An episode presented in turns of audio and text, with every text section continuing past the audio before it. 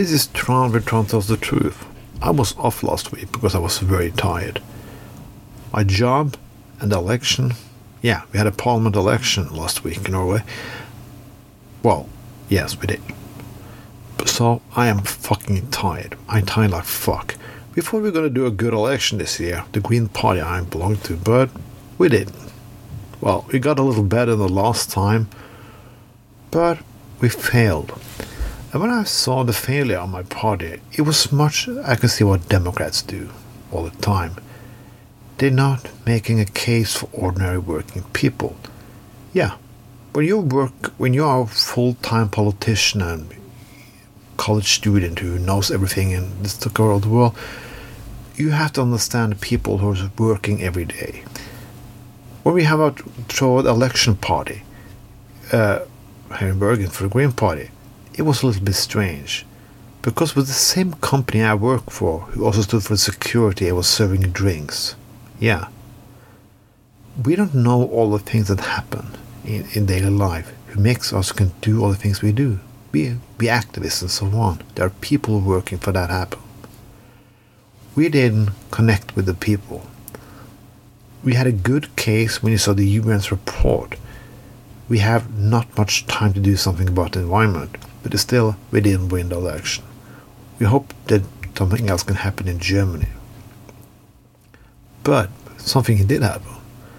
The left strengthens a lot. Yeah, you should think about it in a country of Norway where people all the people are rich and a lot of money is flowing and the welfare is good. You thought maybe, yeah, left parties is something of the past because we've got more moderate with the time but the hardcore left well, did uh, come in with a lot of representatives. The gap between the rich and poor has also grown in Norway because of a conservative government. The cut in benefits for the people on the bottom and cut in the taxes for the rich on the top has always been a, a deal breaker that conservatives make us believe will work for everybody's interest. It only works for the people on top's interest. When people on the on the bottom get welfare, they always have to be perfect.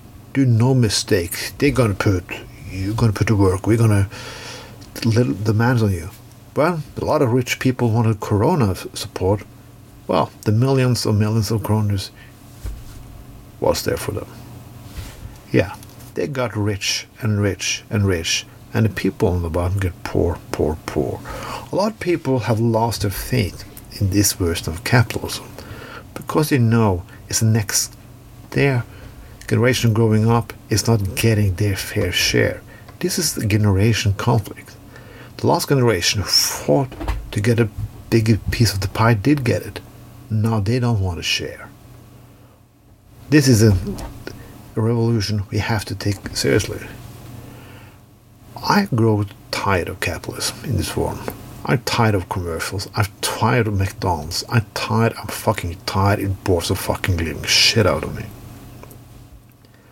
I want a society that I don't have that much, but I can manage. Live more, use less. A new kind of lifestyle. And people said, yeah, but that will make the companies go under and so on and so on and so let it be.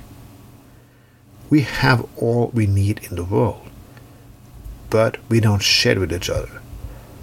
When Bezos and billionaires can compete about who's traveling the biggest dick ship to space, they can feed all the world today if they want to.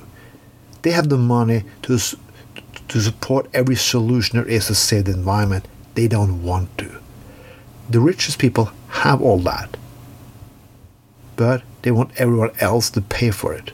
They are willing to let the world go under as long as they can keep their big pie for themselves. That's fucking selfish, that's bullshit, and we need a fucking revolution. I'm nearly now 46, I'm 46 years old, and I'm not gonna get less angry over the years. I'm gonna get more angry.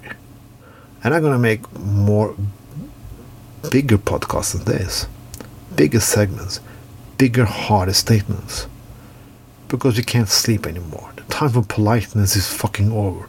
It's time to take what is ours and time to make some people pay so we can get a world to be a better place. This is but Tron tells the truth.